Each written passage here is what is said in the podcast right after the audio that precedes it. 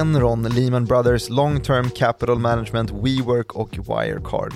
Det ständiga tillflödet av nya finansskandaler tycks aldrig sina och deras magnitud brukar tas som en föraning om var i cykeln girigheten befinner sig.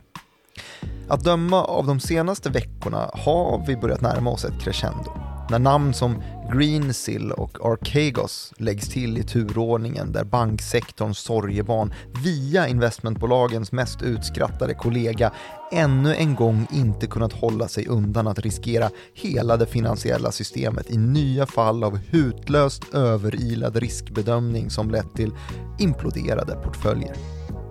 Vad håller de på med och varför blir de inte bättre? Eller har de kanske rent av blivit det och vi har ett större problem i finanssystemet där farhågan nu lyder att en liten gnista i en kollapsad hedgefond tänder en skogsbrand, både inuti och utanpå hela det finansiella systemet. Ja, frågetecknen är många, men här för att räta ut dem är utrikesredaktör Joakim Rönning som ju förhörs av mig, programledare Martin Nilsson i podcasten som ju heter Follow the Money, en podcast om makt, storfinans och börsen. Och vi kan väl börja så här Joakim Rönning, vi har ju en del att reda ut. Mm. Den här vecka 13 har inletts med väldigt mycket rapportering om det här namnet Archegos. Vad, vad är det för något? Det är en hedgefond. Jaså? Eller är det det? Kan man fråga sig. inte längre? Nej, men det, det, är det ju definitivt inte eftersom att den har kollapsat. Men om vi tar det från början då så är det en, eh, en skapelse av eh, en gammal förvaltare på Tiger Asset Management. Anrikt? Ja, väldigt anrikt. Um, en, hedgefond, en av hedgefondernas hedgefonder. Mm. Alltså de allra största på Wall Street. Vad är, det, vad är det namnet bakom det nu igen? Julian Robertson va? Just det. Um, och han har väl, kommer du ihåg Tiger King eller? Det var ju för ett år sedan när Ja, dokumentären? Ja. ja, det är ju inte riktigt samma, eller hur? Ja, men han är lite, vad hette han som var boss, han var, som var The Tiger King? Jag kommer bara ihåg Carol Baskin Ja exakt, det är hon som är ja. namnet alltså Nej men han ja. i alla fall, det är ju Julian Robertson då Ja. Uh, jag, fan om han inte heter så nu, det blir jobbigt. Men han, vi säger att han heter så. Ja, men jag känner igen det, så det är ja. så. Uh, det, det fan, han hade i alla fall en massa yngre förmågor under sig då, mm. som jobbade för honom och förvaltade han alla hedgefondpengarna som, som, uh, som var i omlopp. Mm. Och en av dessa herrar hette Bill Wang. Mm. Um, och han fick i uppdrag då som ett par andra killar som kom att kallas för The Tiger Cubs, alltså ja, vad blir det, tigerungarna. Uh -huh. uh, att, att förvalta lite regionalt. Och då fick Bill Wang, jag tror han är sydkorean, mm. osäker på det. Uh, han fick i alla fall i uppdrag att förvalta Asienfonden. Eh, typ vilket år i tiden är det här? Det vet jag faktiskt inte, men vi snackar ju 1990-tal för liksom Tiger Asset Managements uppgång. Just det, och så blir Julian Roberts stor och sen så tar han till sig massa små skyddslingar som ja, precis. får regionsportföljer. Eh, ja, och Bill Wang då fick, fick Asien-portföljen och den förvaltade han på ett väldigt förmånligt sätt mm. åt, eh, åt Tiger Asset Management och gjorde sitt namn liksom då under 90-talet och, och början på 00-talet tills det small. Mm. Och det vet ju alla vad som hände då. Då hade vi Lehman Brothers kollaps, vi hade subprime-kris och eh, ett, ett elände. Small det för, för Bill Wang då också? Ja, det var ju många det small för, eller nästan alla ju. Tog ju, tog ju stryk. Mm. Och inte minst Bill Wang som bland annat var sne, i snegungan, får den här legendariska short squeezarnas moder Volkswagen. Ja, Volkswagen. Mm. Som, som byter namn till Volkswagen. Ja, jag orkar inte med det här alltså. deras elbilssida helt enkelt. Ja, Volkswagen ska de nu alltså heta. Jag trodde, alla trodde ju att det här var ett skämt. Ja, det är nä nära första april, men ja. Eh, tydligen så dodgade de det med ja, Hade det kommit första april så hade ju ingen trott på det. Nej. Det hade varit kämpigt. Ja, dumt, bra, roligt, jag vet inte. Mm. Jag tyckte mest att det var fantasilöst. Uh, men det är då deras stora om, omstöpning till ett elbilsbolag, precis som Volvo Cars. Uh, som alla Vatvo, eller vad blir deras replik? Nej, nu ger vi oss. Ja, ja men 2012 i alla fall. När eh, Bill Wang då, om vi ska återgå till ämnet, mm. Eh, hade liksom kommit ut på banan igen och startat, startat om på ny kula lite grann. Så hamnade han i klistret i en insider trading härva. Ja, det är ajabaja. Ja, det är inte alls bra. Nej, Okej, okay, så han sitter i snegungornas snegunga 2008 i den här Volkswagen short squeezen. Ja.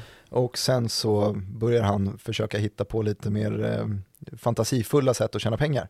Mm. Är det en fri tolkning av vad som hände, men han fastnade i alla fall 2012 då? Ja, det kan man väl säga. Sen så var väl affärerna säkert tidigare, men han åkte i alla fall dit kan man väl konstatera, eller han erkände. Mm. Och det här ledde då till att han sedermera satte upp den här nästa, det här nästa fordonet som heter då Archegos. Okej, okay, så att efter att han åker fast för någon form av insider-grej? Ja, han, han, åker, han åker dit, han, eller han blir ju åtalad då och går med på en uh, förlikning där han då betalar 60 miljoner dollar i böter. Det är ju inte en oskyldig summa. Det är ingen oskyldig herre då, nej.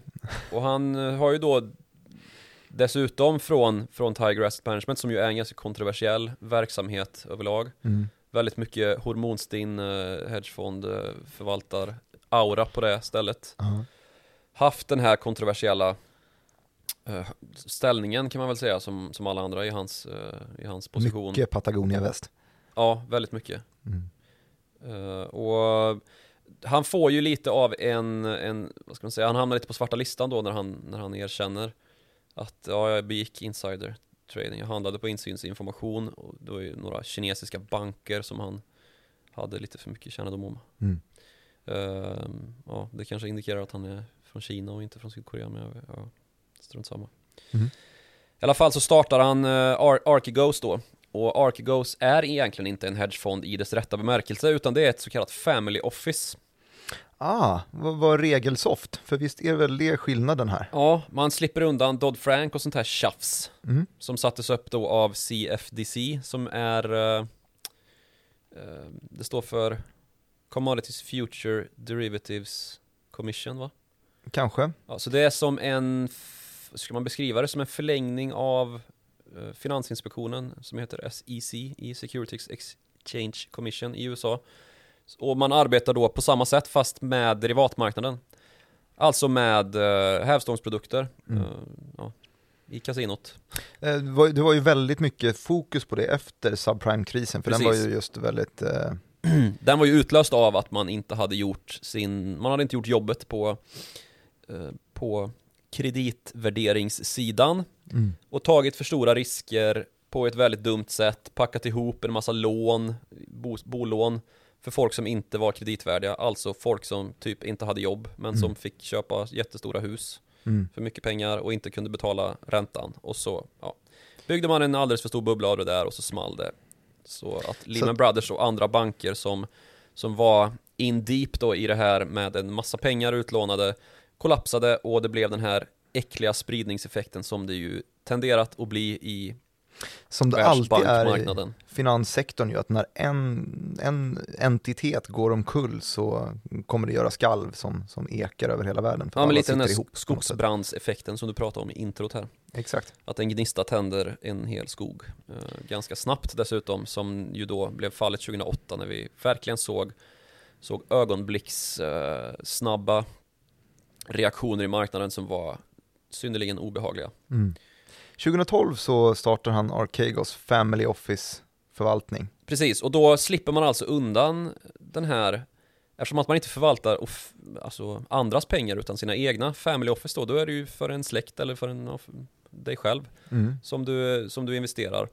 Och då tänker man väl då i myndighetskretsen att ah, ja, men de där är väl ganska konservativa eftersom att de förvaltar sina egna pengar. Det, då är det ingen, inte så stor risk. Mm. Problemet är ju bara då att Archegos har blivit, de har varit väldigt, eller han har varit väldigt framgångsrik.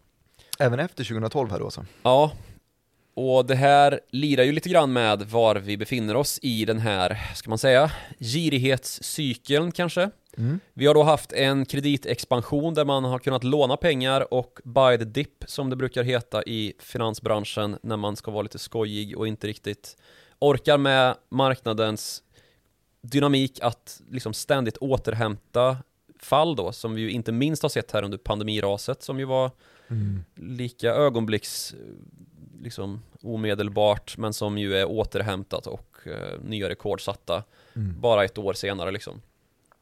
Så har det ju sett ut egentligen sedan 2008 att vi, vi har ju bara klättrat på liksom.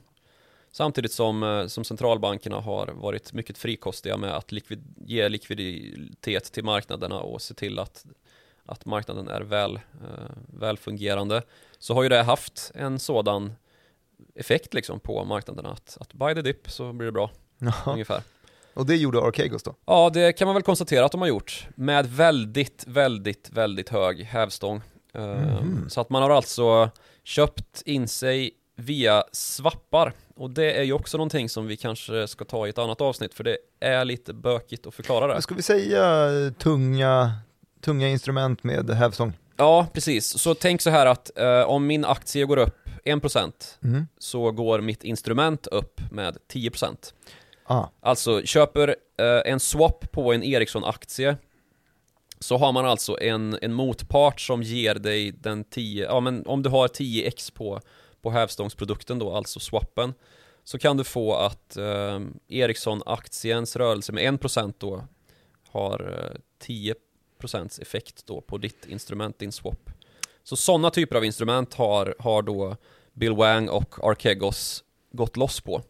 Och de vill man ju då använda om man själv känner att man inte tillräckligt har, riktigt har tillräckligt mycket eh, pengar i plånboken så att man själv kan lägga in det, utan man vill eh, öka exponeringen, öka risken och då lånar man till sig de här Mm, extra Precis. 10 Det är, xen. ja, det är belåning verkligen. Mm. Man, man går in med då. Någon annans pengar blir det ju där. Mm. Och här då så, för att, för att möjliggöra den här swap-handeln så har ju han haft hjälp av en massa banker. Och då tänker man, men bankerna, vad gör de egentligen? Ska inte de ha koll på att Bill Wang är en eh, bedragare och ekobrottsling? Mm. Eftersom att han erkände att han var det 2012. Och då Det var ju ändå snart 10 år sedan och det var ju en förlikning, Ja, kanske de tänkte. Så var det förmodligen de tänkte, och det var en massa utländska banker av någon anledning, inte de amerikanska tycktes i alla fall, eh, ja men de tycktes ha, ha liksom honom på armlängds avstånd. Mm. Eh, Så sent som 2018 så var Goldman Sachs ute med någon kreditprövning på honom som det har rapporterats om nu då och kom fram till att nej, det här blir inget av, vi kommer inte dela ut några lån till och låta eh, Bill Wang och Archegos De handla tyckte att han hade lite för, eh, för riskfyllda positioner. Ja, jag vet inte om det berodde på hans, ja men det blir ju en, en samlad bedömning då. Mm. Jag vet inte om det berodde mest på att han är en gammal ekobrottsling eller att, ja, han är ju inte dömd men han- en, en liksom förlikad ekobrottsling som har erkänt. Mm. Eller att han hade en väldigt hög riskexponering, det kanske är det senare nämnda där. Mm. Men eh, i alla fall så var det en del banker som, som ändå kom in och tillsåg det här behovet av lånat kapital då som, som Bill Wang hade. Då i form av Nomura Bank i eh, Japan. Stora japanska ja. Ja, det är väl den största japanska banken, typ. Mm. I alla fall på investmentsidan. Vi hade Deutsche Bank naturligtvis, eftersom det. är världens sämsta bank. Vi hade Credit Suisse, som också är där uppe och hugger på posten om att få bli världens sämsta bank. Vi hade UBS, som inte är så långt därifrån heller. Ja. Ehm, ja, en del andra. Vi har Men sett att vad är- Mitsubishi också varit ute nu, det är ju också en bank. Jaha, som, som då har ehm, nu, det har, det har kommit fram att de också har haft lite lån utställda till den gode Bill. okej. Eh, vad, vad är det de, de, de här är ju då motparterna i swap-handeln, Mm. eller hur? Eh, vad, vad är det han köper? Vad är, vad är det som instrumentet är exponerat mot? Ja, det har ju varit ett, en, en salig blandning här då. Eh, Dels, som sagt, allt mer tyder ju på att han är kines ju, mer, ju längre jag kommer i det här avsnittet eftersom att en stor del av portföljen har varit just kinesiska bolag. Ehm, så vi kanske får revidera det där med Sydkorea för gott. jag vet inte. Men i alla Det fall. spelar ju inte jättestor roll för historien. Nej det gör det inte, jag vill bara, jag hatar att Ha fel. fel bara, så jag, jag tycker det är ganska älskvärt när du har fel. Ja. Men eh, han har då investerat ganska hårt i eh, kinesiska techbolag som eh, bland annat Spotify-konkurrenten Tencent Music, De ja. eh, Baidu, Google, Kina. Kina Google, som också gör eh, mjukvara till bilar, självkörande bilar. Mm. Vi har, eh, vad fan heter det, GSX, GSX Tech Edu heter de väl? Alltså, Fan vad nischat att kunna det. Vad är det för något? det är ett, eh, jag, vet, jag var lite inne på de här kinesiska utbildningsbolagen för ett par år sedan. Aha. Det var därför jag har koll på dem. Ja. Eh, ja, engelsmän, Utbildningsföretag helt enkelt. eller vad säger jag, kineser som ska lära sig engelska och dylikt. Mm. Eh, sådana grejer. Och just hemundervisning liksom, och sådana grejer. Mhm. Ja, eh, sen så hade han också stora positioner som tycktes vara lite av den här eh, sektorrotationen som ägde rum här under våren. mm. eller vårvintern får man väl säga. Februari och mars blev ju det väldigt på tapeten att man skulle gå från tillväxtbolag som de här jag nämnde, mm. techtunga med sina vinster långt in i framtiden, som plötsligt under februari här skulle diskonteras mot en allt högre tioårsränta. När vi Just såg det. den här upptickningen i, eh, i den amerikanska tioårsräntan upp över, väl över 1,7 från att ha legat kring 0,5 och skvalpat, eh, inte så himla långt dessförinnan. Mm. Eh, då blir det lite blodigt på den fronten och då under februari och mars här då som sagt så började Bill Wang att köpa in sig i eh, bolag som massmedia företaget Viacom CBS mm. CBS, tv-kanalen i USA som man ju känner till mm. och Discovery som man ju känner till ännu mer det känns verkligen som gammelmedia. Mm, massmedia verkligen. Mm. Uh, Tv-kanaler och, och sånt. Okej. Okay. Och det, det är bara att ta upp en graf och titta på de här två aktierna, hur, hur de gick. För de, de klev på duktigt alltså här under februari och mars. Och det var ingen riktigt som kunde förklara vad, vad är det här, vad pågår här nu egentligen. Det var lite i den här GameStop-eran också. Ja, man, precis. Volatilt i största allmänhet. Så ja, det var svårt att förklara mycket där. ja, det var det. Volatiliteten var ju helt sanslös i en del aktier. Så jag vet inte om man liksom svepte med det här i någon sorts uh, GameStop-hink ja. och kallade det för Reddit-fenomen. Men i alla fall nu när saker har lite grann rätats ut från frågetecken till utropstecken så har det ju då visat sig att eh, i samband med att Viacom här i slutet på förra veckan genomförde en emission som dessutom då Bill Wang och Arkigos tog del av så såg en del investmentbanker lite rött för det här då att den här uppgången i Viacom och dess sektorkollega Discovery ser inte sund ut längre. Så vi sänker aktierna till eh, jämvikt eller sälj, alltså från köp då. Mm. Från att man har hakat på den här momentum-traden som det blev då när Bill Wang ställde in sina jättepositioner i de här aktierna. Det, det, blev ju då, det känns ju som en väldigt genomskinlig sak att göra när ett bolag har stigit väldigt mycket utan att egentligen mm. det finns någon särskilt mycket fundamenta som stödjer det och att det sen toppas av att bolaget bestämmer sig för att här är det bra att göra emission. Mm, då, då ser man ju lite sånt, vad, vad värderingen ska vara. Det var väl samma med, med uh, en annan lite halvsektorkollega i alla fall, AMC Entertainment, alltså det här biografkedjeägarbolaget som bland annat äger Reddit. SF, ja precis.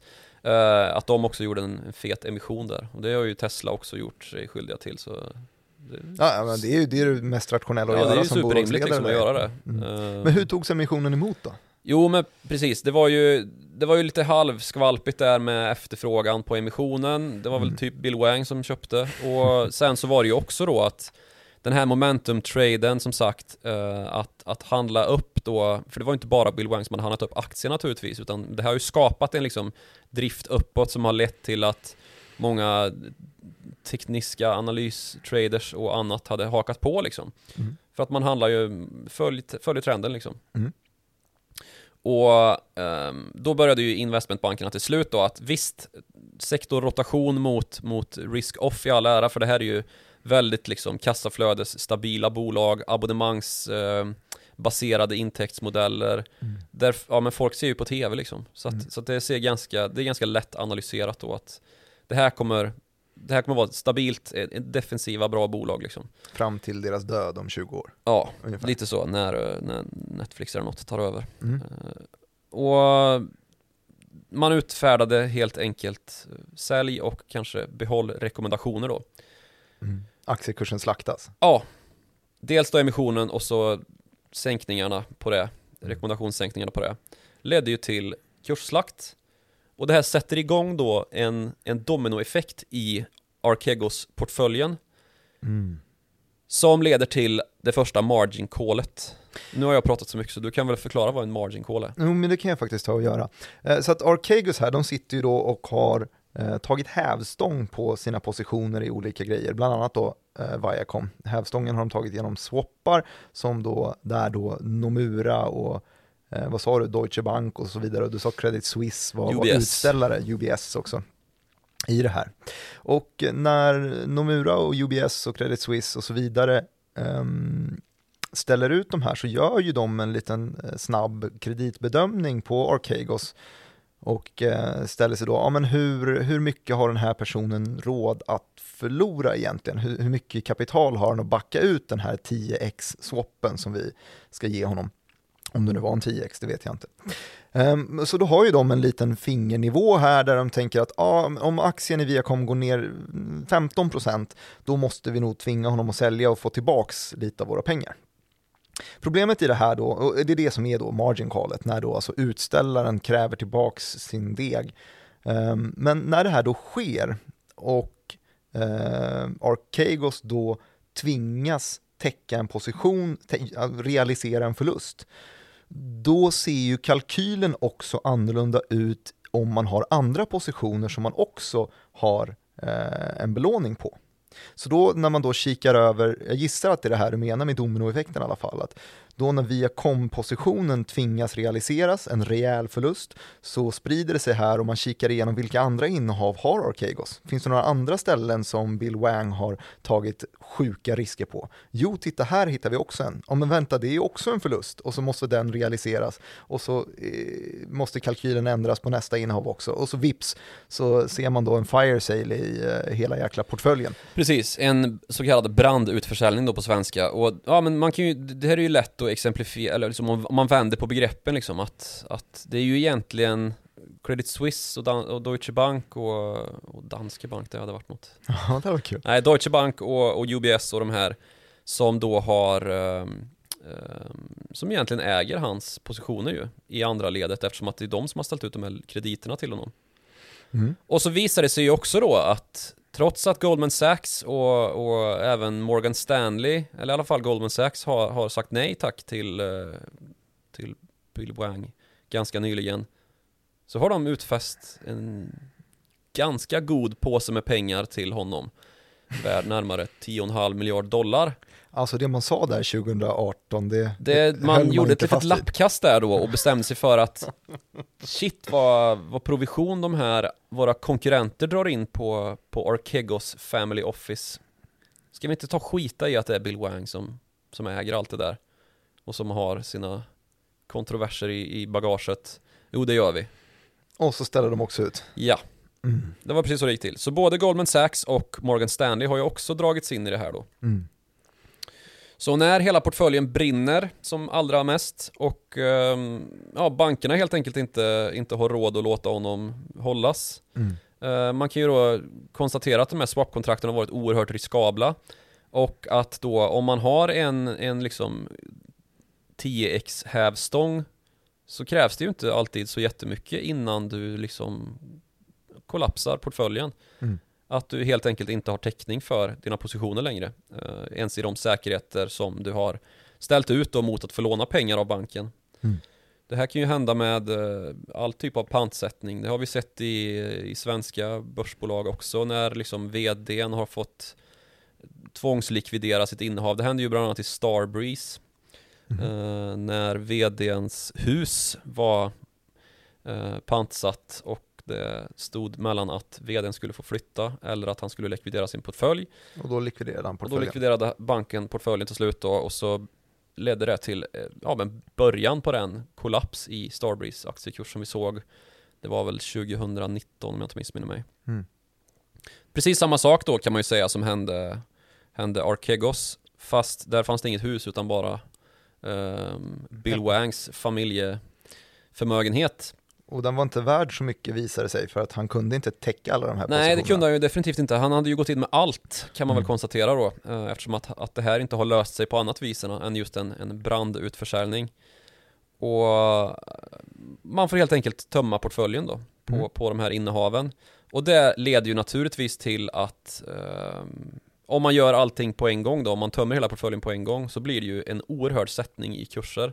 Så ta typ Viacom då att den aktien hade ju gått ner på nästan noll alltså om alla de här positionerna hade likviderats samtidigt av bankerna och de hade skett över den öppna marknaden då, alltså börsen. Mm. Uh, ja, det är ju inte det mest likvida av aktier, det är inte nej, Baidu eller Tencent. Liksom. Det är liksom. det absolut inte. Och det här hade då bankerna naturligtvis koll på när det här började. Ja, för visst märker de att Archegos sker genom att de plötsligt, någon får syn på vad fan händer i orderboken på Viacom egentligen? Ja. Eller vilken aktie det nu var. Och det där finns en... det ju liksom spärrar för naturligtvis. Mm. Uh, är det något de bör ha koll på så är det ju liksom att bevara sina egna, uh, sin egen balansräkning. Men det här blir ju väldigt lustigt nu då, eftersom att i liksom sed, som seden bjuder så när det är så här många banker involverade så kallar man då till ett möte. Och så sätter man sig ner i uh, vid, till bords eller till, till Zooms kanske det är nu mer snarare. Ja. Och så säger man okej, okay, eh, så här ser läget ut för oss, säger Goldman Sachs. Och då säger eh, Nomura Bank, så här ser det ut för oss. Och så liksom lite grann gör man upp då hur man ska kunna lösa den här För då har de precis ärvt konkursboet Archegos, ja. det, den, det innehavet som de har då ställt ut. Precis två, eller en av bankerna som, som är med i det här då är Credit Suisse. Mm. Världens kanske sämsta bank. Mm. Efter Deutsche. Ja, de är där uppe och hugger. Uh, I alla fall i den, i den här kategorin då, så är de sämst. Och då märker de andra bankerna att under tiden som den här förhandlingen då pågår mellan ja, men fem, sex olika banker som ska försöka liksom sköta det här på ett snyggt sätt så att inte aktiekursen kollapsar och så att de inte själva liksom åker på dunderförluster mm. eh, var och en av dem liksom. Eller framförallt kanske en särskild och att vi får den här spridningseffekten då att en bank eh, åk, råkar illa ut då för att man har haft eh, en, en skev riskexponering då. Mm. Då noterar de andra bankerna mitt under sittande förhandling då enligt de medierapporter som stora nyhetsbyråerna eh, internationellt har, har varit ute med här mm. i början på vecka 13. Credit Suisse håller ju på och säljer. Under Zoom-mötet? Det, det är en massa block som går här ju. Uh, vad håller de på med? Men alltså de sitter och försöker smygsälja Ja, de försöker smygsälja då under den här förhandlingen. Ja. För att säkra hem lite lite av sina egna risker då. Mm.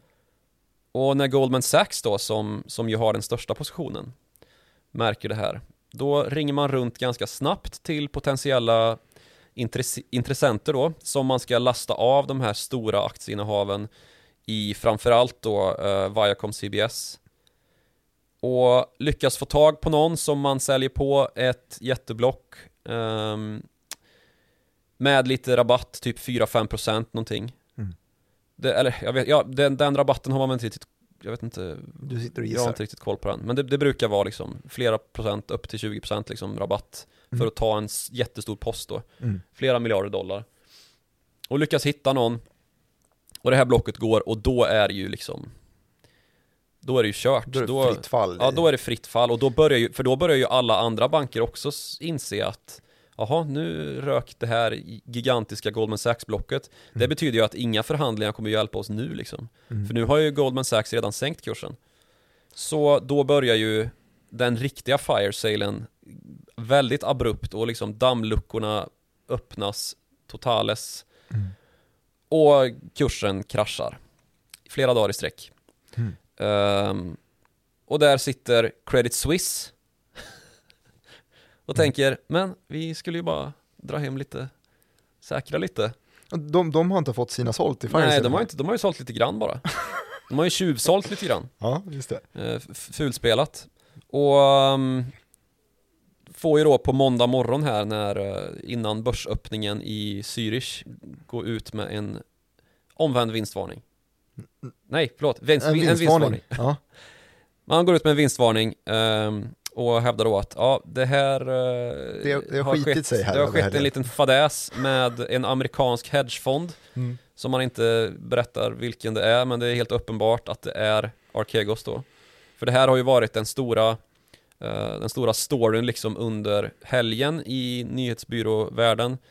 Vad är det som har hänt? Vad, vad var det för jätteblock som rörde hela index nästan eh, ända upp på S&P 500 liksom att man såg kraftiga liksom, reaktioner i index mm. på grund av några gigantiska blockförsäljningar i, i uh, de här aktierna då som det visar sig alla ligger inom Archegos portföljen och det måste ju vara någonting där.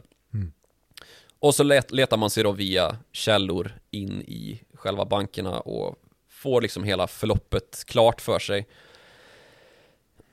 Ja, så Credit Suisse går ut med vinstvarning, det gör även Nomura Bank i Japan Mm. och aktierna krossas ju i öppningen. Så deras tradingavdelning måste det väl vara, tar då en sån, sån jäkla smäll av Mm, att de, har, eh, de får ärva konkursen Archegos där de då har varit utställare eh, till eh, ja, helt fruktansvärt vidriga swap-kontrakt som då blir Mm. helt värdelösa gånger tio. Japp.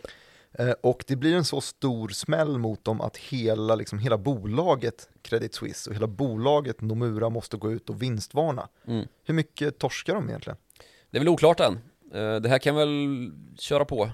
Det senaste siffran som jag har läst från Streck Source är Ja. ju 7 miljarder dollar. Då snackar vi liksom flera årsvinster som har... Ja, nej men för jag vet att Credit Suisse är bolagsvärde under 30 miljarder dollar. Mm. Jo, men ja, det, det, som, det som liksom har framgått av deras egen kommunikation är väl 2 miljarder dollar. Eh, Men det är ju cirka siffror fortfarande. Ja. Och vi kommer ju få reda på ganska snart om det nu skulle vara så att det är 7 miljarder dollar, alltså att man har gjort, ja, men att man har gjort lite felantaganden på vägen där också. För det här är ju fråga om usel kreditriskbedömning naturligtvis. Mm. Så att man har svårt att räkna på andra delar av banken också, eh, då kan det ju svälla det här. Eh, Men då kommer vi också få reda på det ganska snart i nya vinstvarningar då. Mm. Varför sa jag omvänd vinstvarning? Ja, det, det, lost idag. ja, det är tur att jag är här och ställer allt till rätta. Som Någonting vanligt. som jag kom att tänka på eh, kring den här grejen just när man står som utställare till, till instrument och eh, på så sätt tar på sig en, en, eh, en risk. Var det inte det vi snackade om i fallet GameStop också? Som Robin Hood frågades ut av, eller kring i, i kongressen. Mm. Och eh, där då Vlad, vad heter han, Vlad Tenev, Vlad Tenev, VD VDn. Robinhood. eh, som fick så jäkla mycket skit för att de hade plötsligt stängt möjligheten att köpa eh, GameStop-aktier. Ja. Och samma sak hände väl i vissa eh, spelare som är aktiva på svenska marknaden också. Eh, IG bland annat som, som sa då att man har möjlighet att sälja men man har inte möjlighet att utöka öka positionen. Det här är ju då den risken som de såg och som de valde till att varför man inte ville sälja fler GameStop-aktier till hävstång. Jo, för att då måste de ta på sig risk i sig och de klarar inte av det. De var Mm. alltså lite bättre på att göra kreditbedömningar än vad Credit Suisse och Nomura var. Mm. Ja, det var sidoparentes. Mm. Ja, mycket bra sådan. För det var ju mycket snack då om att så här, marknaden är ojämlik och allt vad det var. Mm. Och det kan man väl säga, men det är ju hela finansiella systemet som är det snarare än att Robin Hood är det liksom. Mm. För det här var ju, det här var ju, ja de här spridningseffekterna ter sig ju även i, ehm, i, i de här fallen där vi, det här har vi också ordat mycket om med hela den här missförstådda payment for order flows problematiken och, och det som har dragits in i den debatten. Mm. Strunt samma, vi orkar inte prata om det. Credit Suisse Ja, det är- vinstvarnar säger 2 miljarder. Och det, Ja. du säger det kanske kommer en ny vinstvarning. Vi får se. Men eh, det, den här rapporteringen nu då som, som ju fortfarande är källhänvisad eh, Så att den är ju osäker då, man kan ju inte Det är ju ingenting som man har fått direkt från banken Mm. Offentligt liksom, utan det här är ju som sagt källor och Samtidigt så brukar ju nyhetsbyråerna ha ganska bra källor Mm. Eller väldigt bra källor och inte rapportera det om det inte stämmer Nu tror jag inte något av de etablerade medierna riktigt har lyft fram den här 7 miljarders siffran än Mm. utan snarare kanske ja, men höjt, dubblat den här 2 miljarders siffran men det är ändå helt sjukt Ja, ja, absolut. För, Ja. för ett sånt bolag så är ju en smäll på 7 milj- äh, 2, 4 miljarder mm. dollar på så kort tid. Men nu har vi kastat skit på deras kreditvärderingsförmåga Då kanske vi också kan ta ett litet snabbt varv med min favorit PR-fadäs de senaste, de senaste åren Eh, Kring Credit Suisse. Ja, precis. Eh, För den är så väldigt James Bondig Är det här anledningen till att du tycker att de kvalar in på? Ja, men det är så mycket med Credit Suisse som gör att, att jag tycker de är, de förtjänar lite uppmärksamhet för hur dåliga de är. Ja men kör då. För det var ju då 2019 när det var en stor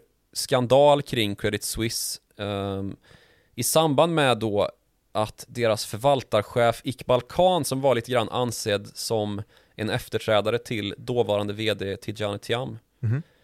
De här två var ler och långhalm Uh, Iqbal Khan var väl ansedd som hans protegé liksom, att, att han skulle ta över efter Tijani Tiam var det led. Som Bill Wang till Julian Roberts. Lite så. Men sen så skar det sig någonstans här på vägen. Nämligen i samband med en privat fest hemma hos Tijani Tiam. Kul. Där Iqbal Khan står och samspråkar lite grann med Tijani Tiams hustru. Aj. Och fäller en neslig kommentar om ett antal träd i parets trädgård. Mhm. Och blir uppläxad av Tijani Tiam. För att han har fällt denna nesliga kommentar om att något träd stod fel i trädgården. Vad är det för neslig kommentar? Nej, det var inte schysst. Nej, och vadå, så han dissade, Han dissade paret Tiams eh, trädgårdsarkitekt, ja, antar jag. Eh, deras upplägg på, på lunden i trädgården i Zürich. just det. Och det här leder då till att stämningen försuras så pass att, eh, att Iqbal Khan bestämmer sig för att jag kan inte vara kvar. Jag skriver på för UBS istället, på andra sidan stan. Mm. Eh, de sitter ju också i Zürich. Men vänta, det här var ju också en av bank. de bankerna du raddade som en Mm. av de sämsta. Ja, Hatar du alla banker? nej, jo. Men Mm. eh, det, det finns ju, de här gammelbankerna har ju lite att stå i vad det gäller. Det blir ju, de har ju haft det kämpigt ända sedan eh, 2008 och de förtjänar ju all skit de får. Mm. På grund av det bara. Ah, eh, det som händer då. Och de här bankerna är ju, ska ju definitivt ha en släng av sleven, alla de vi har räknat upp här. Men i alla fall så, eh, när Iqbal Khan skriver på för, för UBS då, alltså den lokala rivalen i Schweiz, så eh, börjar det hända grejer runt honom i hans privatliv och han får en nästan paranoid känsla av att det är någon som spanar på honom. Mm. Bakom felplacerade träd. Ja men typ. Sticker de fram huvudet och Ja. kikar. Var det därifrån de kom kanske, tänker han. Så han börjar då misstänka att det faktiskt är någon som förföljer honom Mhm. och att den är utskickad av Tijani Tiam. Hans forna buddy. Hans ärkefiende numera. Ja, det blev de ju. För han sattes ju då i karantän liksom, Iqbal Khan. Det är ju ganska brukligt när man kanske har en tid kvar på kontraktet med sin gamla arbetsgivare och ska gå till den, den främsta konkurrenten liksom. Mhm. Ehm, men han anmäler ju då det här och det börjar läcka ut till press att Iqbal Khan känner sig förföljd. Mm. Bara det är ju liksom en bankhöjdare i, i bankernas världshuvudstad nästan, som ju, eftersom att det är Schweiz. Mm. Ehm, känner sig förföljd av sin forna arbetsgivare på grund av en diss av en trädgårdsarkitekt typ. Mm. Så det här tar ju, tar ju skruv då när media börjar granska och det sedermera kommer, kommer fram att, men det, det, det är ju sant. Han är ju, Trädgården är ful. han är förföljd, Jaha. killen. Jag vet inte om det finns någon uh, vittnesskildring Jag vill ju bara se flygbilder på, på Tijan Tams. eh, Det finns trädgård. säkert. Men eh, det, det slutar ju då i att eh, Credit Suisse som har dementerat och förnekat att det här ska ha ägt rum, att det här är definitivt inte ett verktyg i vår låda att förfölja anställda. Eh, så får man ju krypa till korset. De har anställt en, en spion. Ja. Och sen så Tijani Tiam då och eh, ordföranden Urs Råner som han heter. Okej. De båda dementerar ju då att de har någonting med det här att göra. Istället får, eh, vad heter han? Om han heter typ Pierre Olivier Bouet eller något sånt där. Okej. Eh, han tar på sig hela, hela smällen. En, Säger, må- "Nej, en det var jag. målvakt. Det var jag. Ja. jag. Tijani har ingenting med det här att göra. Han hade ingen koll på vad hans verksamhetschef ägnar sig åt. Mm. Ehm, och sen så tar det sig en verkligt tragisk vändning då när den här privatdeckaren som, som har utfört det här spionagejobbet för, för Credit Suisse eh, han tar livet av sig. Åh fy fan. Ja, så det här blir ju en, vad ska man säga, vad brukar man kalla det när det blir en eh, riktig liksom Golgata-vandring för Credit Suisse i, i alla fall finans-Europas press. Mm. Eh, Financial Times och varenda tidning till slut är ju på det här. För att det är en så fascinerande, eh, häpnadsväckande och tragisk historia. Och en kort tid senare så uppstår konflikt även mellan eh, Tidjane Thiam och ordförande Urs Råner. Och ett flertal av eh, storägarna i banken som eh, det tycks vara så att de vill peta Tidjane Thiam. Han har då vägrat gå med på att han har någonting med det här att göra. eh, och att han då har dragit bankens rykte som redan är nedsolkat i ännu smutsigare smuts. Och han är inte kvar på Credit Suisse idag. Han är inte kvar på Credit Suisse idag. Och efter att han har lämnat banken så har det också framkommit eh, ytterligare då eh, uppgifter från hästens mun eh, i form av då Tidjane Tiam. att han då har gått ut med vilken vidrig kultur de har på Credit Suisse. Bland annat så har han omtalat en fest hemma hos styrelseordförande Urs, Urs Råner där det då ska ha varit Studio 54-tema Alltså den gamla anrika discoklubben i, i New York mm. uh, Och där ska det då ha uppträtt en ja, men blackface utklädd uh, vaktmästare i en dansuppvisning där han ska ha sopat golvet och det här tyckte ju Tidjane Thiam då, som själv är från uh, Elfenbenskusten var så liksom osmakligt att han gick därifrån liksom. Och det blev väl en, en betydande orsak till att han också väldigt hastigt sa upp sig. Eh, från att liksom ha varit väldigt liksom, stridbar och villig att liksom, gå emot den här ägarfalangen som hävdade att det var hans fel och även då den egna ordföranden så bestämmer han sig för att jag, jag kan inte vara kvar här. Mm. Um, så Credit Suisse rykte har ju varit uselt i rent liksom PR-mässig synvinkel Helt oaktat då vad man har haft för affärsstrategier.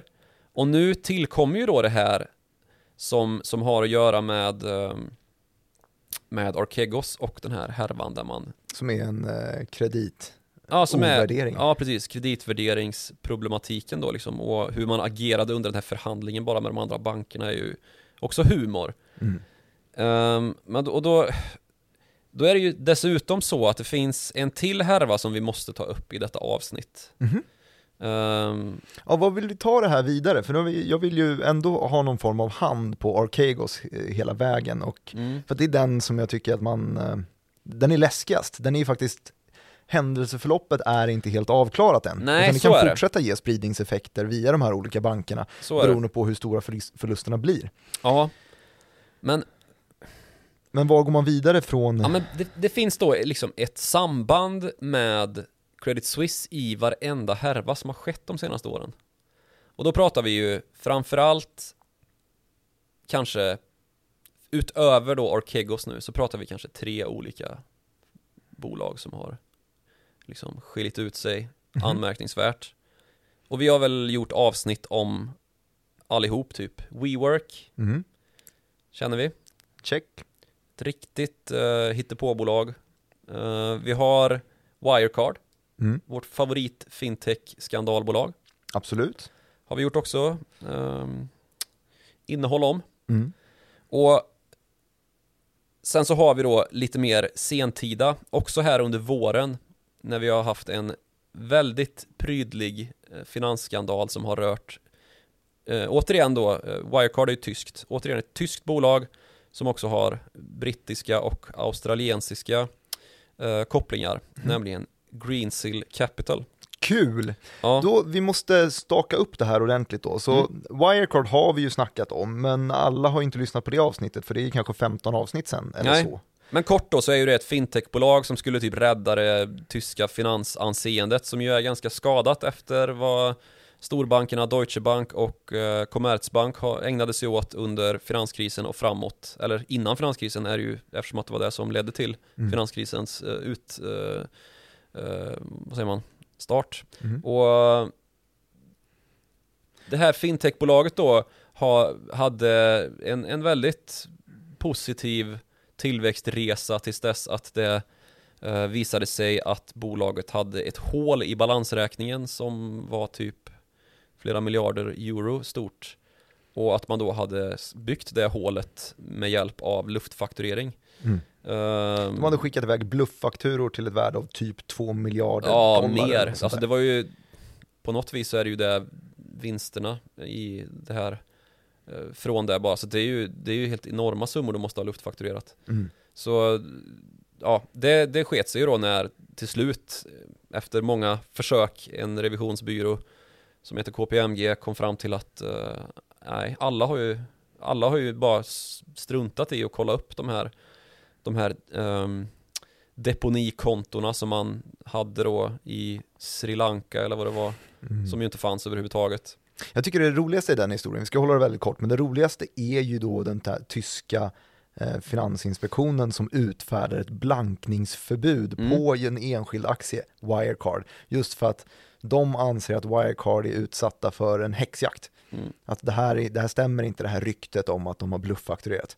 Eh, utfärdar ett blankningsförbud på Wirecard, det är alltså det myndighet som gör det. Och mm. sen så eh, några månader senare så inser de, oj, vi måste backa här, det var visst bluff. Mm. Sjukt. Ja. Eh, fallet WeWork istället. Ja, de är ju på väg till börsen nu också via en, eh, ett, ett uppköpsskalbolag, en SPAC. Kul. Såklart. Värderas till 9 miljarder dollar enligt dem själva. Spektakulärt. Ja, och det är ju känt då för hur uselt bankerna hanterade den tidigare noteringsprocessen som kollapsade. Mm. För det här är ju då ett kontorshotell techbolag. Ja, det är lika konstigt som det låter. Och det är ju inte ett techbolag utan det är ju ett kontorshotellbolag bara. Mm. Men alla vill ju kalla sig för någonting med tech för då kan Softbank komma in med sin feta kassakista. Och mage, Masayoshi Son, för han har ju ja. magkänsla. Och där har ju, har vi ju ytterligare en anledning då till varför Credit Suisse är insyltade i alla dessa katastrofala bets. Mm. Nämligen då den här kopplingen som finns mellan Credit Suisse som är någon sorts husbank för Softbank. Mm. Och Softbank är ju då en tech-investerare från Japan med täta kopplingar till Saudiarabisk uh, oljemiljarder och Alibaba, det kinesiska fintech, eller inte fintech, e-handelsundret. Tvivelaktiga pengar med tvivelaktiga destinationer. Ja, det är ju så det har blivit. Men uh, han har ju då gjort sig känd för den här väldigt starka investeringen i Alibaba då, när, när det bolaget var värderat till miljoner, som idag är värderat till hundratals miljarder. Mm. Så, så han, har ju, han har ju då gjort sig själv och Softbank väldigt, eh, ja, väldigt kassastinna. Mm. De har ju mycket kapital att placera då. Och har ju gjort det då i, i liksom tech-uppstartbolag som till exempel eh, Wirecard och som till exempel WeWork då som man till slut fick rädda och köpa ut den här galna vdn de hade, Adam Neumann som startade det här bolaget och som drev det som någon sorts, uh, oh, ja det var ju ett märkligt projekt alltså. Uh, han är ju ute nu, men han har ju blivit miljardär på kuppen då med hjälp av, av Softbank-miljarder. Men det, det, var ju det som fällde avgörandet då kring WeWork, att, att bolagets egna liksom processer och uh, bolagens, e bolagets egen ledning var ju, hade ju blivit, allt hade ju blivit helt galet där. Okej, okay, så Wirecard... Så, eh... Ja men så när, när, Softbank investerade i, i Wirecard, för, eller i WeWork för sista gången så, så gjorde man väl det till en värdering på typ 50 miljarder dollar och sen när, när liksom utomstående ögon kom in och granskade de prospekt då som, som man ju måste upprätta när man ska gå till börsen så var det ju snarare fråga om liksom ja, en tiondel av det. Så det, där har vi lite grann eh, ytterligare en kreditbedömningsproblematik då. Absolut, uh, så då har vi Wirecard, WeWork, men nu Greensill är inte jag riktigt lika påläst kring, vad är det för någonting? Det är då det sista bolaget i den här, uh, vad ska man säga? Triangeln. Ja, men i den här, härd, den här härdsmälto Bermuda-triangeln som, som vi har uh, målat upp här ju med Softbank i mitten. Och Credit Suisse runt kanterna. Ja, precis, för det är ju då Credit Suisse som har legat bakom alla de här kapitaliseringarna av de här bolagen där Softbank har pumpat in pengar och Credit Suisse har stått för eh, kreditvärderingen. Mm. Uh, och till sist då, Greensill, ja det är då ett factoringbolag som är startat av en herre som heter Lex Greensill. Och det har då framlyfts som ett, ett innovativt techbolag i fråga om factoringverksamhet. V vad är factoring? Ja, factoring då, det är fakturaköp. Eh, något så tråkigt som fakturaköp. Mm. Och det här är ju inte helt liksom logiskt på en femöring.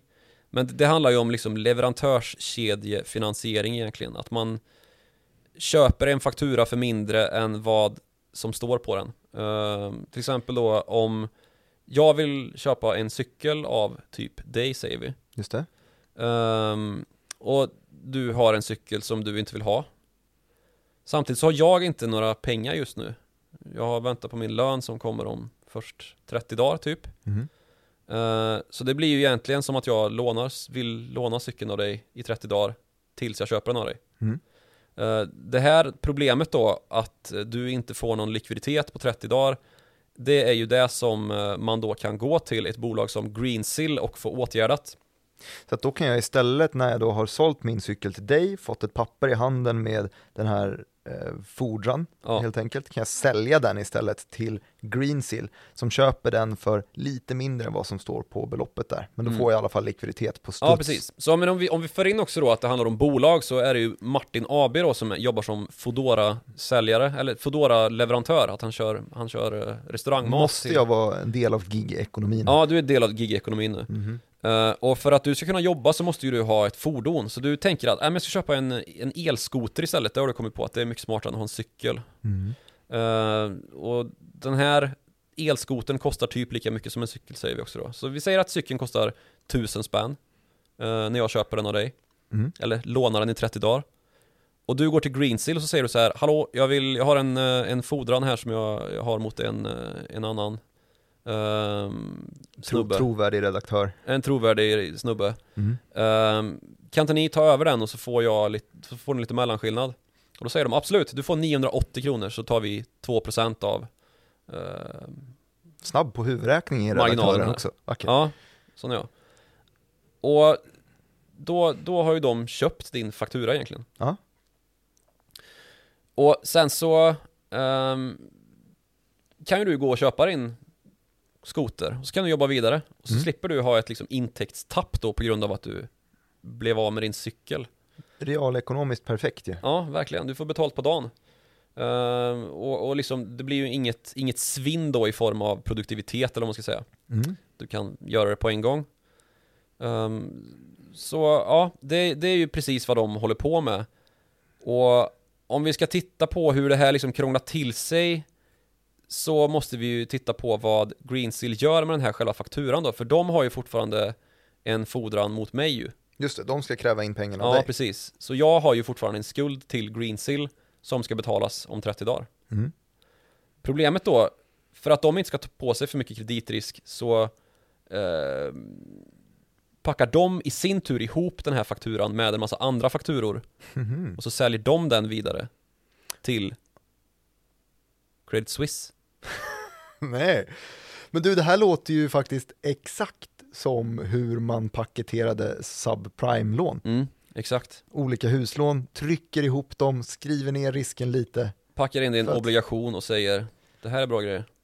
Mm. Och det det är då eh, Greensill helt enkelt. Ja, och sen så fortlöper ju processen då där, där liksom de ska återfå pengar Ehm, hela den processen är ju försäkrad då av ett bolag som dels täcker att jag ska betala tillbaks eh, min cykelfordran, Mm. eh, eller min cykelskuld, och då hela den här, det här upplägget mot Credit Suisse då, där man packar ihop en massa eh, en massa sådana här fordringar, fakturor och, och lägger dem ja men säljer över dem till, till Credit Suisse då, att, att det finns liksom försäkringar då, det är ju så, det är ju det försäkringsbolag tjänar pengar på till största delen egentligen. Ekonomi är så jäkla Ja, komplicerat. det, det blir ju väldigt rörigt det här alltså. Eh, och det här är dessutom en oerhört konkurrensutsatt marknad med väldigt, väldigt låga marginaler. Mhm. Så det som händer med Greensill då, eh, det är att de inte, de har inte gjort någon kreditprövning på mig. De tog mig på ordet att du var en pålitlig redaktör. Precis. Tji fick de. Ja, jag har ju ljugit flera gånger i den här podcasten, eh, bara här senaste timmen. Ja. Kines, eh, sydkoreaner och allt vad det har varit. Och namnet på Julian Roberts eventuellt. Eller Robertson. Ja, just det.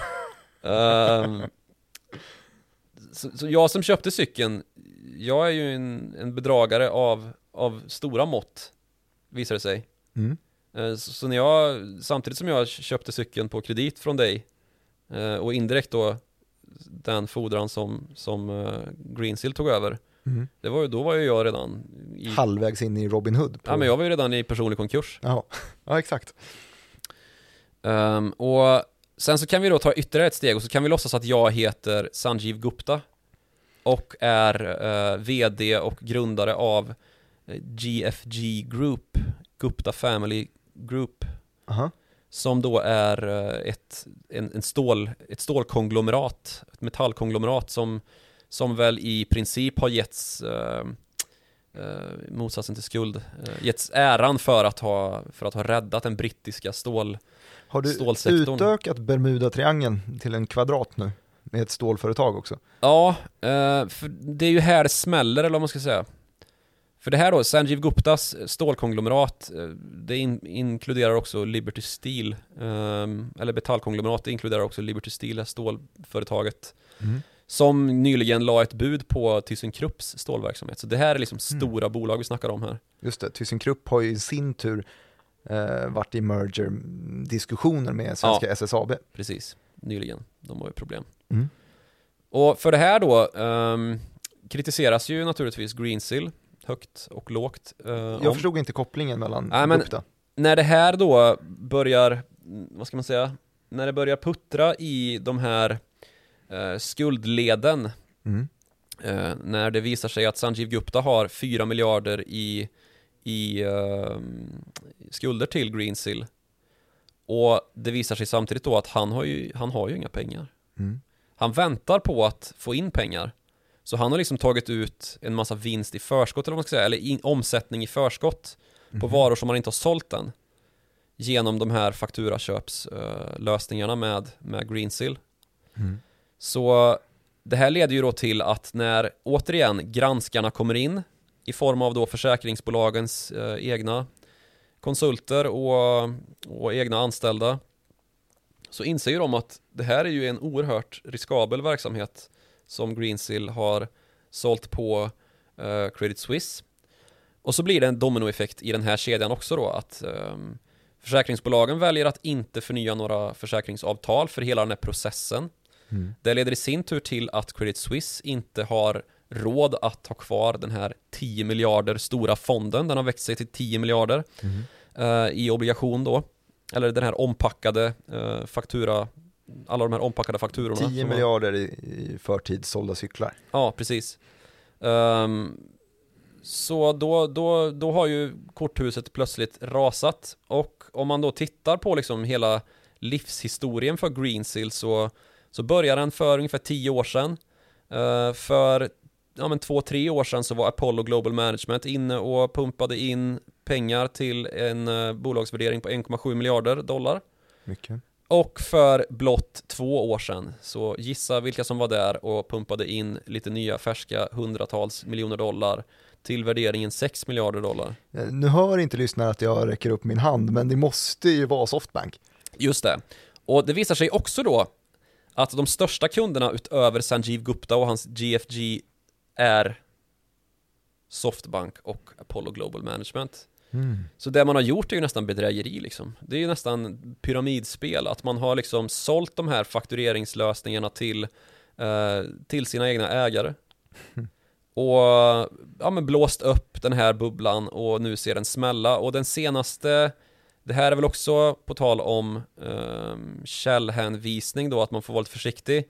Men nu ska då um, Greensill och Lex, eh, Lex Greensill, grundaren och storägaren, överväga att avyttra hela skiten för 100 miljoner dollar istället då för den värdering som Softbank såg om 6 miljarder. Och vilka såg man den värderingen med hjälp av om inte? Credit Suisse. Ja, där har du ju, det är ju äckligt det här alltså hur, hur illa man kan, Hur man kan hamna i det här tio Ja. år efter en subprime-kris. ja precis. Ja, det är tufft faktiskt. Du, vi har eh, pratat i en timme och det vi har pratat om framförallt, det har varit hedgefonden Archegos. Eh, vi började lite grann med historien om mannen bakom det som då är Tiger, först Cub, sen King, eh, Bill Wang. Och han var en framgångsrik förvaltare under 90-tal och tidigt 2000-tal. fram Förmodligen till- kines. förmodligen kines, fram till Eh, ja, 2008 satte han sig i en rejäl snegunga i Volkswagen Shorten, eh, som är historiskt omtalad. och där fick han väl lite skit och grävde sig ur den skiten, eventuellt genom insiderhandel. Han förlikades för det åtalet 2012 men erkände. Eh, där i samma år ungefär startar han då också Archegos 2012 alltså.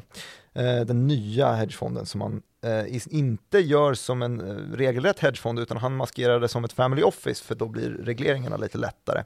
Händelseförloppet, ja, jo men det blir att han Eh, gör det jäkligt bra för det är i en väldigt bra kreditcykel här, eller girighetscykel som utrikesredaktören sa det. Och han eh, bygger upp ett förtroende, de som nappar på det här förtroendet först, det är de sämsta bankerna tyckte utrikesredaktören och det var ju då alla de europeiska och eh, en japansk, Nomura, eh, Deutsche, UBS och Credit Suisse bland annat. Som då står som utställare till eh, ganska, ja, vad säger man, hög, eh, höghävstångsprodukter eh, på eh, eventuellt dåliga investeringar. Det visade sig i alla fall vara dåliga investeringar för det här smällde ganska snabbt.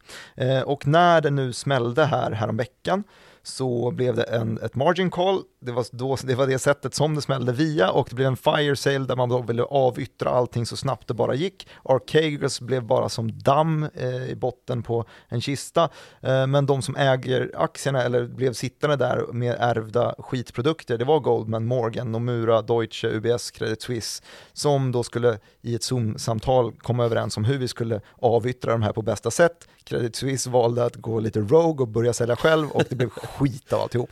Eh, spola fram några timmar så vinstvarnar både Nomura, Credit Suisse vinstvarnar också. Vi vet inte hur stora de här eh, förlusterna kommer vara på. Vissa pekar på upp mot 7 miljarder dollar. Det ska man ta då i kontrast. Vi vet i alla fall att de sålde för 20,5 miljard under denna fredag. Och det här ska man ta i kontrast Och vi vet mot... inte om det är färdigt än. Nej, och det här ska man ta i kontrast mot att eh, hela bolagsvärdet, alltså hela market capet på Credit Suisse är under 30 miljarder och på Nomura är det under 25 miljarder dollar. Vi snackade lite grann om PR-fadäsen PR under 2019 där Iqbal Khan misstyckte om Tidjam Tiams trädgård, eh, vilket blev ett jäkla eh, sorgligt öde sen till slut. Eh, och sen så har vi pratat om Bermuda-kvadraten som det faktiskt blev med Wirecard, WeWork, Greensill och något stålföretag och Baffin var också med eh, och det hela kretsade kring Softbank. Eh, och i hörnorna och i vrårna så också ekade Credit Suisse. Eh, historien om Greensill fick vi ganska tydligt förklarat, i alla fall factoringföretaget som verkar ha tagit på sig lite för mycket och var först värderade till 6 miljarder dollar för tre år sedan, idag för typ... Nej, två år sedan. Två år sedan, idag för typ 100 miljoner dollar ja. istället. Så Men, en riktigt nedvärdering där. Ska vi jag vet att du vill sluta, att jag ska sluta prata nu. Ja. Men eh, jag vill ändå, jag vill ändå liksom knyta ihop säcken lite grann och säga att eh, det är många som frågar sig då, men är det här en ny subprime eh, liksom, öppning här? Att, att det kommer, som sagt, vi vet inte när det här tar slut, när man har liksom stängt den här tvångslikvidationen. Mm. Man vet inte hur mycket riktigt tillgångar det finns kvar att sälja. Mm. Och det pratas om spridningseffekter, har vi ju nämnt hur många gånger som helst här och det är ju just den effekten vi såg under subprime-krisen att Lehman Brothers föll och sen så var ju typ hela det finansiella systemet på väg att falla. Mm. Är det någon sån fara då, är det ju många som undrar just nu. Eh, det är det nog säkert. Och jag tror ju kanske att vi har gjort en del grejer efter 2008 som leder till att vi kanske inte hamnar i samma, eller det är väldigt låg sannolikhet för att vi hamnar i samma skit som vi gjorde då. Och det är ju de här Baselkraven att bankerna är så mycket mer välkapitaliserade och har råd att bete sig som skit. Men ett problem är ju om sådana här aktörer som Greensill och som, um, som, som Archegos blir för stora. För det här är ju nästan att betrakta som skuggbanker. Och om vi då har banker som faller utanför den eh, regleringsram som vi har med de stora bankerna. Genom att maskera sig som Family Office till exempel. Exakt. Eller som fintechbolag som Wirecard och Greensill. Mm. Som ju är, det är ju just vad de blir liksom, skuggbanker. Mm. Då, då kan vi nog få en ny sväng problem och det är ju ofta där det landar när man utvecklar teknik. Nu är det ju kanske tur då att de inte har utvecklat teknik utan bara låtsas göra det. Mm. För, och därigenom inte lyckats bli tillräckligt stora då för att just eh, utgöra ett systemhot. Ehm, men om det sker och, vi ser en liksom ehm, en allmän eh, liksom explosion i sådana tillgångar, då, då tror jag vi får ta tag i lagboken igen och skriva till lite nya paragrafer, som man gjorde med Dodd-Frank då till exempel. Mm. Men för närvarande tror jag inte att det är någon större risk för att det ska ske, och vi får väl se vad, det, vad som väntar, men det verkar ju redan ha dämpat sig ganska mycket. Verkligen, vi har ju inte sett någon typ av spridningseffekt på våra svenska banker i alla fall. De verkar Nej. inte riktigt vara mm, innystade i den typen av verksamhet. Nej. Och men... så är det ju skönt att se då också att eh, Credit Suisse eh, analysdel var ute och, och sänkte Viacom CBS till neutral. Nej, höjde. Höjde de? de höjde, ja de höjer Viacom från sälj till neutral, då antagligen för att Credit Suisse sitter kvar med en jäkla massa innehav och vill trycka upp det. Nej, det är kanske bara en analytiker som har klickat på update i sin Excel-snurra och sett, oj, nu är Viacom billig, då är det neutral. Tack så mycket i alla fall får jag säga till er som har, har lyssnat på oss idag. Det är vi väldigt, väldigt glada för. Hjälp, hjälp gärna oss att eh, bli mer lyssnare genom att sprida. Eh, man kan Eh, Eh, skriver något fint på Twitter till exempel, tagga då in snabel Joakim Ronning. Eh, det är då alltså utrikesredaktörens handle på Twitter. Och min, eh, det är snabel direkt Martin. Man kan också mejla till oss och det gör man på followthemoney@direkt.se. Klicka tumme upp där det går, skriv saker där det går och vänta gott till nästa vecka. Vi är tillbaka på onsdag igen. Vi hörs då.